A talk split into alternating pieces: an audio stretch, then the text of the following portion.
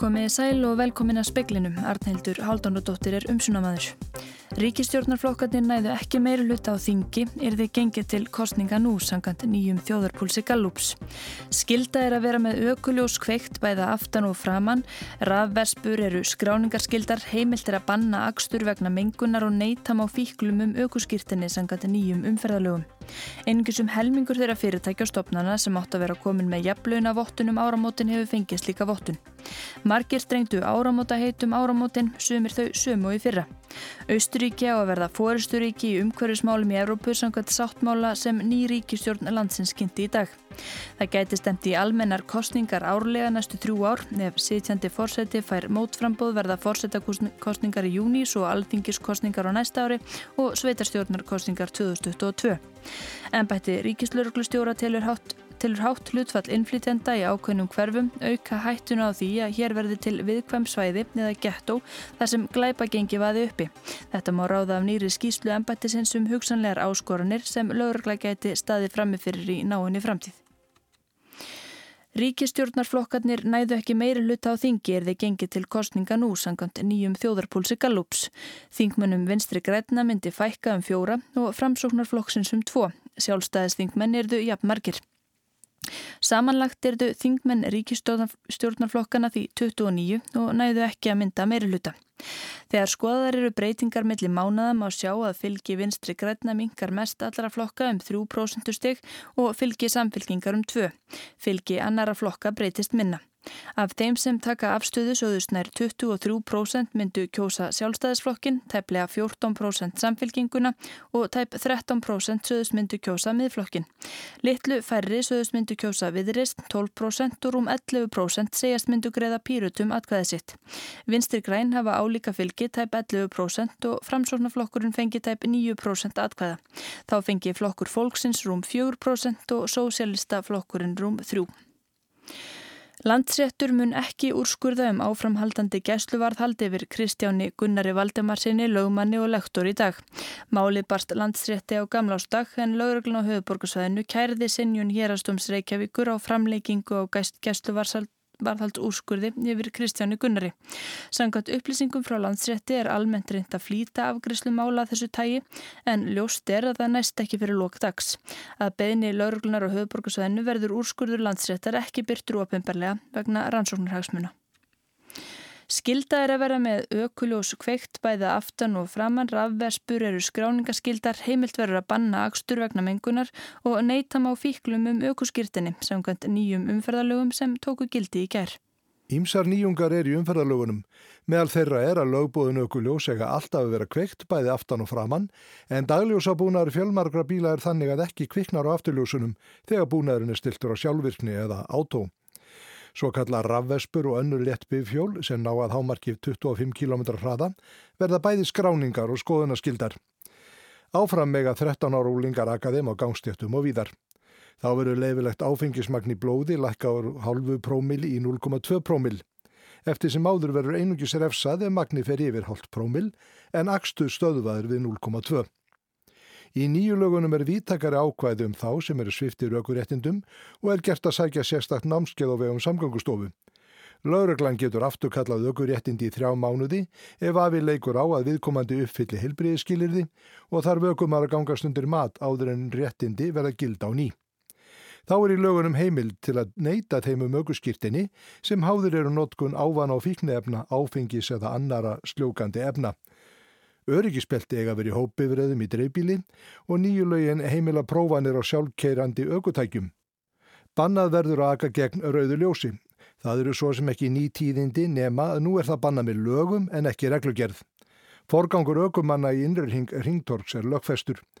Þá verður veghaldara heimilað að takmarka eða banna umferðum stundarsakir þegar mengun er yfir hilsufarsmörkum eða hætta á slíkum og með nýju lögunum er aukurkennarnám lögfest og heimilað að sinja þeim um starfsleifi sem hlotið hefur dóm fyrir kynferðisbrott, svo fátt eitt sé nefnt. Haukur Holm saði frá. Þau eru ófá áramóta heitin sem strengt voru í góðri trúum áramótin. Margir er að reyna aftur við heitin sem strengt voru fyrir ári en ekki tóksta efna. Aðrir geta með stolti hort tilbaka og strengt ný heit. Sumir strengja svo aldrei áramóta heit því þeim teksteldrei að uppfylla þau. Sigriður Dögg Auðunstóttir, fréttamaður, tók nokkra tali bæði hagkaup og í laugadalslögin í dag. Strengtir þú áramóta heit? Já. Ég að gera mig plan að hugsa um mig andlega og líkamlega bara betur. Kannski synda meira, svona ætla að fara aftur í garpasundi og svona, ég strengja það. Garpasundi er hérna synd hérna og þá er maður bara píndur áfram. Nei, ég gerði það ekki, en ég gerði það einu sinni samt og stóð ekki við það og ég ákvaði að gera það þá bara ekkert aftur, ég geti ekki staði við það sem ég ætlaði að gera. Strengdur þú áramóta heit um þessi áramót? Já, ná mér í betri heilsu. Ég er svona með slæma vinstrel upp og sundi er náttúrulega afbrað til þess að reyna bæta það. Svo ætlum ég að verða aðeins betri í byrjts, vera byrjtspilar orðin. Já, það var að flokka allt legoum mitt fyrir 2021. Settur ármóta heiti í fyrra? Nei, bara í gæðir. Nei. En í fyrra? Nei. Gerur það aldrei? Nei. Og hvers vegna ekki? Að, ef ég ætla að breyta einhverju þá bara ger ég það það þarf ekki að gerast um áramótin sko. Austuríki á að verða orðið kólefnis hlutlaust árið 2040 samkvæmt stjórnarsáttmála sem ný ríkistjórn landsins kynnti í dag. Stendur að því að Austuríki verði fórusturíki í Evrópu á sviði umhverfismála. Leðtóar þjóðarflokksins og flokksgræningja tilkynntu í gerkvöld að þeir hefðu komist að samkómulagi um að mynda ríkistjórn. Tilraunir til stjórnarmyndunar höfðu þá staðið yfir í þrjá mánuði. Werner Kogler, eh, leðtói græningja, sagði að fundi með frettamönnum að stefnan erði sett á að Östuríki verði fóristuríki í umhverfismálum í Evrópu og jafnvel heiminum öllum. Wir haben uns im Klimaschutz möglicherweise weiter geeinigt, als man das vorher äh, ahnen hätte können. Österreich soll zum europäischen und internationalen Vorreiter in Sachen Klimaschutz werden. 14 ráþærar verða í nýju ríkistjórninni, 10 úr þjóðarflokki Sebastians Kurz eh, kanslara og fjórir úr flokki Græningja. Þeim verður falið það verkefni að hrinda umhverfis stefnunni í fennangkvæmt. Ráþærarnir sverja ennbætti segði í næstu viku.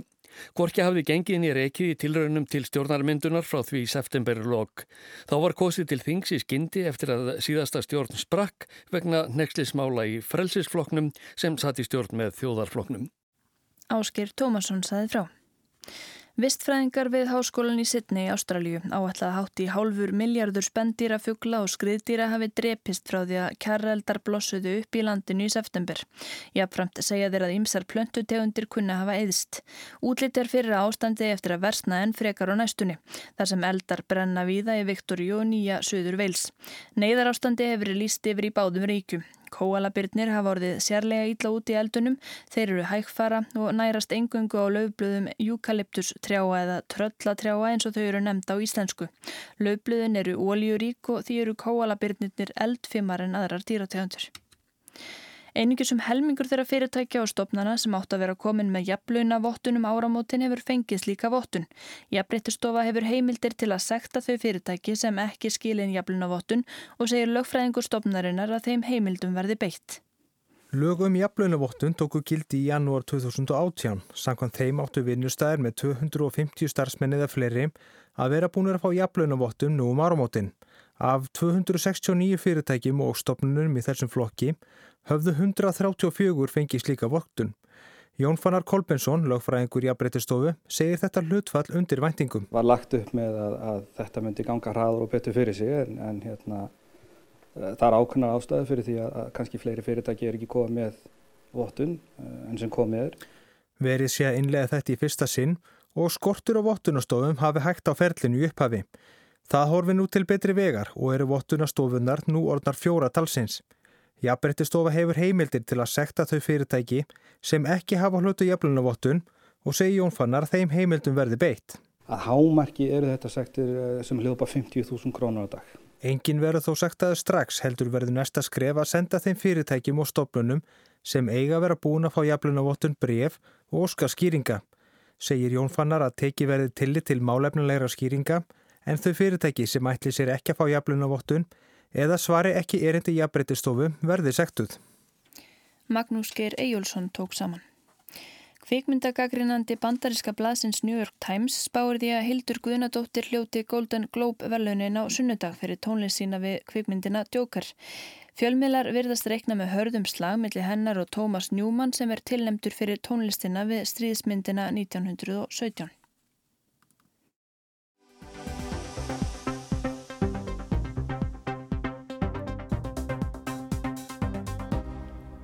Embætti ríkislauruglustjóra telur hátt hlutfall innflytjenda í ákveðnum hverfum auka hættun á því að hér verði til viðkvæm svæði eða gettó þar sem glæpagengi vaði uppi. Þetta má ráða af nýri skýslu um hugsanlegar áskoranir sem lauragla gæti staði frammifyrir í náinni framtíð. Í skýslunni kemur fram að í sumum hverfum í Reykjavík sé hlutfall innflytjenda nú 20 til 34% og fari líklega hækkandi. Í ljósi þessa telur embættið að á næstu fimm árum eigi eftir að reyna sem aldrei fyrra á stefn stefnu stjórnvalda um félagslega blöndun. Í kaplaðum félagslegan markbreytileika eru Norðurlöndin nefnt sem viti til varnaðar sem hverfi í stærri borgum beri þess merki að margra mati að margra mati að aðlugun innflytjanda hafi mistekist. Á þessum viðkvæmu svæðum hafi myndast í aðarsett samfélagi innflytjanda og þar sé meira um gengi og glæpahópa en annar staðar. Ef þróunin yrði á þann veg hér myndi það skapa mikið álag á lauruglun og samfélagið í heilt. Til að ræða þennan hluta skýslunar sem að snýra innflytjendum eru hinga komin Tatjana Latinovic, formaður innflytjendaráðs stjórnvalda og Óskar Dýrmundur Ólafsson, hverfistjóri Breitholti. Hvað lesið þið út úr þessari skýslu ríkislauglustjóra? Ef við byrjum á þér Tatjana. Já, hún, uh, skýrslan segir í yngangi að hún, henni er yngangu allega að gefa vísbendingur um mögulega trón. Þannig að þetta þarf að taka uh, þessum með með þessum gleiraugum uh, um, hins vegar uh, fagnar ég mjög að uh, lögregla Ríkis lögreglustjóri er að skoða þessi mál og, og, og setur svolítið inflytjenda gleiraugu á sig þegar uh, skoðuð er uh, umhverfi löggjæsli á, á landinu og það er svo sem kemur mér ekki óvart og það á ekki að koma neinum óvart að það er hátt hlutvel inflytjenda í sumum hverfum uh, fjörðungun á landsmunum er, eru innflytjendur eða að verðlendum uppröna þannig að uh, það er kannski þessi tala sem endur speglist í, í sumum hverfum ekki öllum. Þannig að ég myndi segja að það er kannski áhyggju öfni að, að það sé ekki öll hverfi þar sem talan er svona hátt og, og öll sveitafélag en um, Já, ég er bara, já. Eh, Óskar, þú ert mitt út hverfis stjóri í Breiðolti og í skýstunni er mitt vísa til hverfis Reykjavík þar sem að hlutfall einflýtjandar 34% og fer líklega hækkandi og ef við skoðum bara tölurhástofunum þú sést að þetta hlutfall á við Evra Breiðholt og þetta var reyndar ekki hæsta hlutfalli, það var hæsta á Kjalanesi 75% en já, já. hvernig metur þú stöðuna í Evra Breiðholt og í öðrum hverfum borgarinnar þar sem þú þekkir til og hlutfall einflýtjandar hátt er, er þetta áhyggju efni að það sé hátt sumstaðar en kannski miklu læra, kannski bara 4% annar staðar? Já, sko, ég vil taka það fram að það er engan veginn áhyggju efni að þessi hátt hlutfall einflýtjanda búsett í hverjum borgarni sem öðrum sveitafélugum þá á landinu og viða fyrir um landi þá er þetta að sjá mjög hátt hlut all fólks sko vestfjörðum eða suðinessum og það er bara til bóta, það er, það er mjög jákvægt. E, þetta eru þetta varnarór sem að koma fram í særi skýrslu e, fram í tíman. E, staðan í ákveðinu hverfum og þetta eru bara ákveðinu hverfi sem að vísa þeir í í Svíðjóð, Danmörku sem dæmi E, eiga alls ekki við þann veruleika sem við erum með í dag. Ég get bara sem nefnt sem dæmi að, að með tilkomu hérna innflytjanda sem hefur fjölgan okkur verulega innflytjandum þar hefur öryggi aukist í viðkomandi hverfi. Þar hefur brotatölur þar hefur lækkað saka tölum hérna lauruglunar höfborgarsæðinu þannig einmitt hefur hverfið orðið örugara þannig að við höfum alltaf reynslu af því heldur nákvæmlega þjóður okkar og, og ég held að þetta sé meðalast tilkomið af því að að við erum að vinna mjög markvist að þá samþæktingu og erum með ákvæmna stefnu til dæmis borginni og ég rekna með annar sveitafélag síu með það líka sem er fallið til þess að tengja fólk betur saman og skapa sagt, samfélag úr ólíkum hópum þess að við skilgar nokkur öll sem náttúrulega Íslendingar og, reykvíkingar eða Ísfyrðingar eða hvernig sem það er. Hefur það gengið vel af því að þetta talað um að það sé mikilvægt að eh, stula að félagslegri blöndun og aðlögun. Hefur það gengið vel hér núna eh, líka sérstaklega síðustu ár þegar að innflytjandum hefur fjölgað frekar rætt? Já sko aftur uh, við hvað er þá miðað það þegar við gengið þannig vel að brotum hefur fækkað. Við erum líka með umfjöldinu fjölmila um, um til dæmis félagslega greiðslu til íbúa og þær eru lægri hjá innflytjandum en hjá þeim sem teljast á íslenskir uppröna. Þannig að það eru mjög jákvæðar tölur sem við sjáum koma upp úr því þegar skoð, skoðum stöðu innflytjandamálum. Þannig að þetta er orðið til þess að bæta og styrkja okkar samfélag. Það sem ég held að sé rétt að taka út á þessari skýslu er að hóra fram í tíman. Eh, við erum svolítið eftir á í þróun og þeir benda á það að, að þetta er að gerast svona setna hjá okkur og við höfum öll tæki fara á því að, að huga vel á mótöku fólks hjálpa fólki að læra málið og það þarf að gera gangskur í því. Eh, það þarf auðvitað að hjálpa fólki að tengjast og við sem búum hér fyrir þurfum auðvitað að taka vel á móti fólki og mér langaði líka að nefna annað, þetta snýst ekki bara um Íslending og innflytendur. Þetta eru bara mjög, þetta er mjög fjölbreyttur hópur og við þurfum auðvitað að ræða það bara hreinlega við hvern veit. Þá menningu sem við kannski viljum við hafa, hafa svona opna og tengsla myndandi menningu. Þetta er að þurfum við kannski bara engar áhyggjur að hafa stöðu innflytjanda á Íslandi?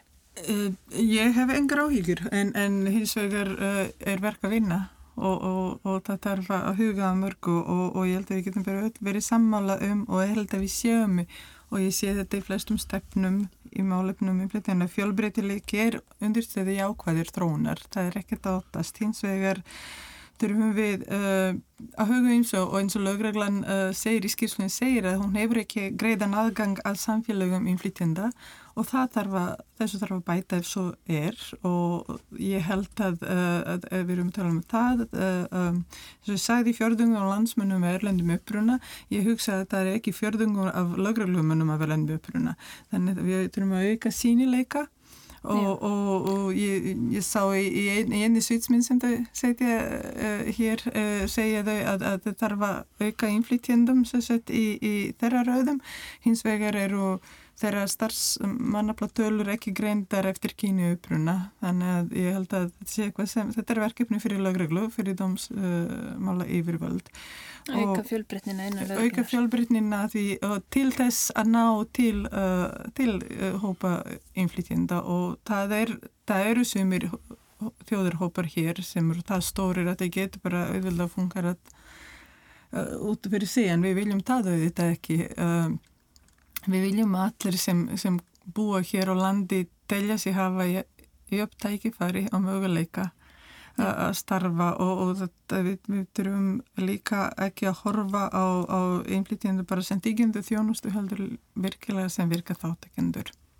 En nú, ef maður les skýstun og til dæmis þessa setningu hérna Í ljósi þessa tilur embættið á næstu fimm árum eigi eftir að reyna sem aldrei fyrr á stefnu stjórnaldum félagslega blöndun og þá að vera að vísa til þessara fjölgunar og þessa háa hlutfalls til dæmis í efrabreðaldi.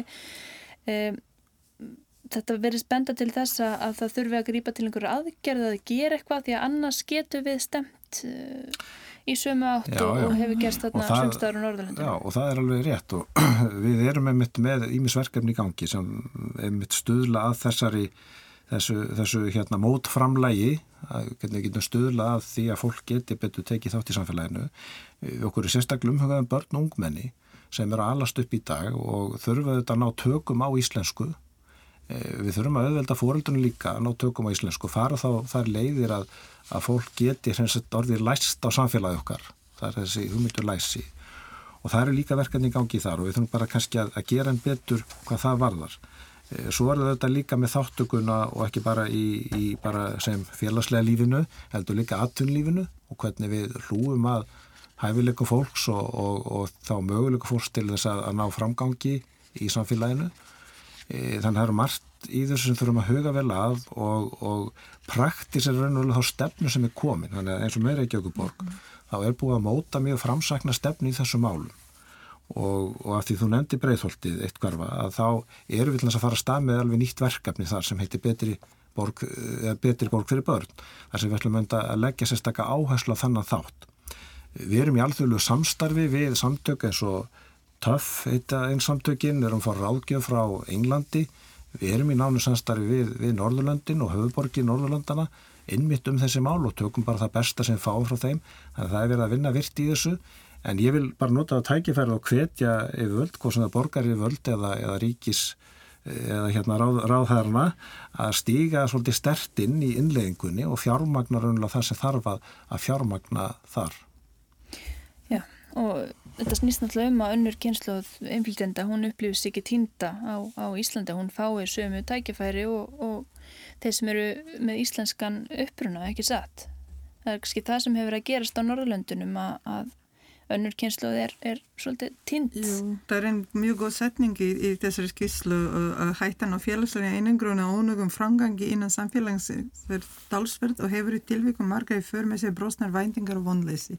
Ég held að það er það sem við erum að tala um. Við þurfum að bara gefa öllum tækifæri, jöfn tækifæri. Já, og, og það, það getur í aðlögun, aðlögun ekki bara innflytjandar samfélaginu, þessi sem eru nýkomni heldur samfélagsins alls mm. til breytum myndir. Ég vil taka undir það að þetta er samfélagsins alls, þetta eru viðþór sem við höfum til fólk sem flytur hinga til landsins til að vinna eða starfa og, og búa og ég held að viðþórum þurfa að, að hugsalega þróast eitthvað mm -hmm. og það er ekki síður atunulífsins og fleiri aðila, það er oft bent á ofinber aðila sem eiga auðvitað að móta stefnu og, og veita viðandi stuðning en þetta er svo miklu viðtakara mál og samfélagi sem heldu auðvitað mun hagnast á því og er að hagnast á því að fá fólk að veljendum uppruna til að búa og starfa hér.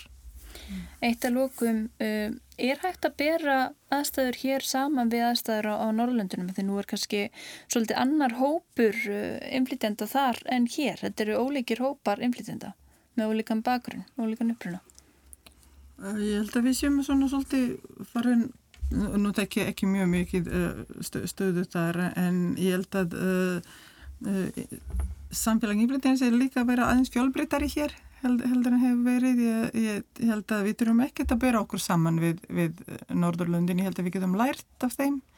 Uh, það sem þau hafa ekki gert vel. En ég held að saga innflytjanda samfélagsins á Íslandi er orðið það löng að ég held að við, við getum alveg haldið áfram að búa til okkar einsögu í þessu og, og, og, og dæmi. Já, ég held að það sé ekki að bera þetta saman eins og sagði kannski upphafi. Við erum með kannski aðra, allt aðra stöð og miklu jákvæðari en hins vegar þurfum við að, að huga að framtíðinni strax í upphafi og passa okkur að, að lendi ekki sem við pittum og borgir kannski að öðru mm. norðlundum hafa lendi í uh, og við þurfum einhvern veginn að að, að þá finna okkar leið í því. Við erum hérna öll á sama á sömu eigunni og, og, og bara búa til þetta samfélag sem hefur alltaf verið svo öflugt og verður ráfram Takk fyrir komuna í, í speilin Tatjana, Latinovic og Óskar Dýrmundur Ólason. Komist ekki lengra sinni